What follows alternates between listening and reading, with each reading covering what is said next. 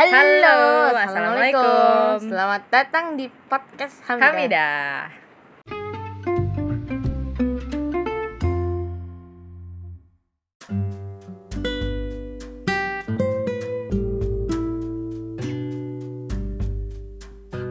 Kisah singkat Nabi Idris alaihi salam.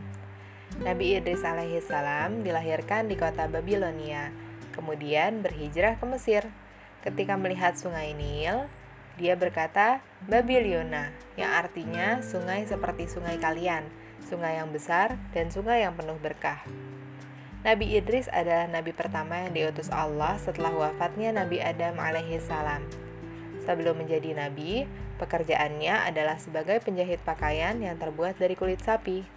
Dalam satu riwayat dikatakan, setiap kali menusukkan jarum, dia selalu mengucap subhanallah. Setelah menjadi nabi, Idris dikaruniai 30 sahifah.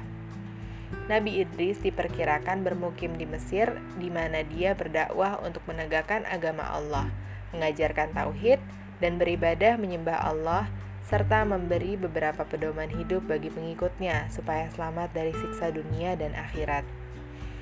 Keutamaan lain yang Allah karuniakan adalah bahwa Idris termasuk dari empat orang nabi yang masih hidup. Empat orang nabi yang masih hidup itu adalah Nabi Idris alaihissalam dan Nabi Isa alaihissalam di langit, serta Nabi Khidir dan Nabi Ilyas di bumi.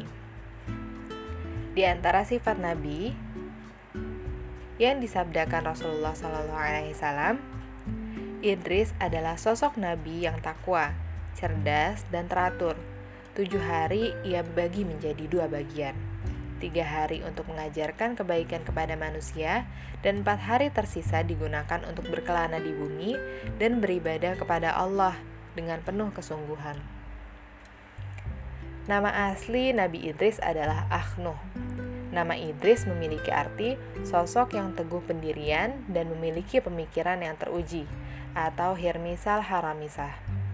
Oleh karena itu, Idris dikenal sebagai orang yang pertama kali menciptakan ilmu hikmah dan ilmu nujum atau ilmu perbintangan.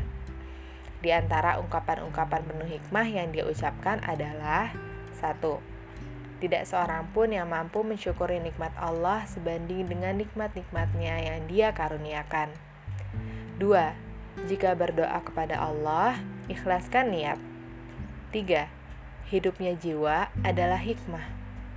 Empat, Jangan pernah iri dengan keberuntungan yang menjadi bagian orang lain, karena mereka pun menikmati sedikit bagian saja. 5. Barang siapa yang melampaui batas cukup, tidak ada sesuatu pun yang dapat membuatnya puas. Nabi Idris alaihissalam adalah seorang rasul yang pertama kali diberikan hak kenabian oleh Allah Subhanahu wa taala setelah Adam dan Syed alaihissalam. Nabi Idris adalah keturunan keenam dari Nabi Adam, putra dari Yarid bin Mihlail bin Kinan bin Anush bin Syed bin Adam alaihissalam yang menjadi keturunan pertama yang diutus menjadi nabi setelah Nabi Adam dan Nabi Syed. Nabi Idris dianugerahi kepandaian dalam berbagai disiplin ilmu, kemahiran, serta kemampuan untuk menciptakan alat-alat untuk mempermudah pekerjaan manusia, seperti pengenalan tulisan, matematika, astronomi, dan sebagainya. Menurut suatu kisah, terdapat satu masa di mana kebanyakan manusia akan melupakan Allah, sehingga Allah menghukum manusia dengan bentuk kemarau yang berkepanjangan. Nabi Idris alaihi salam pun turun tangan dan memohon kepada Allah untuk mengakhiri hukuman tersebut. Allah mengabulkan permohonan itu dan berakhirlah musim kemarau tersebut dengan ditandai oleh turunnya hujan. Menurut buku yang berjudul The Prophet of God Enoch, Nabiullah Idris, Idris adalah sebutan atau nama Arab bagi Enoch, nenek moyang Nabi Nuh.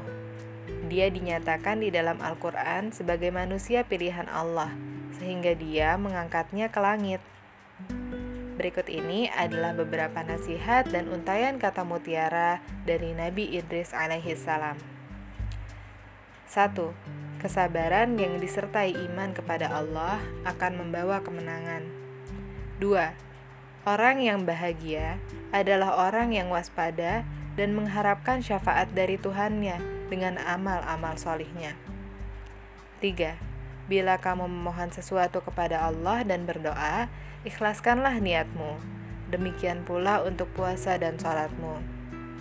4.